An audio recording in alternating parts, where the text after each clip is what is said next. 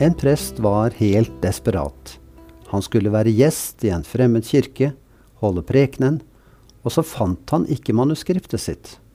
Han lette i arbeidsrommet, i stuen, på kjøkkenet, ja, overalt, men notatene var borte.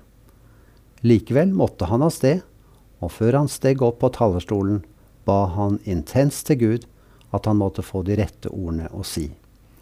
Han åpnet Bibelen sin og der lå manuskriptet. Han hadde glemt å lete på det mest opplagte stedet. Det er frustrerende å lete etter noe som du allerede har.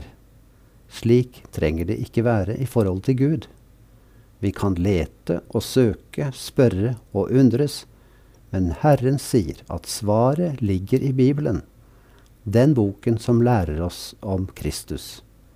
Paulus skrev med stor glede og takknemlighet Lovet være Gud, vår Herre Jesu Kristi Far, Han som har velsignet oss med all åndelig velsignelse i himmelen i Kristus.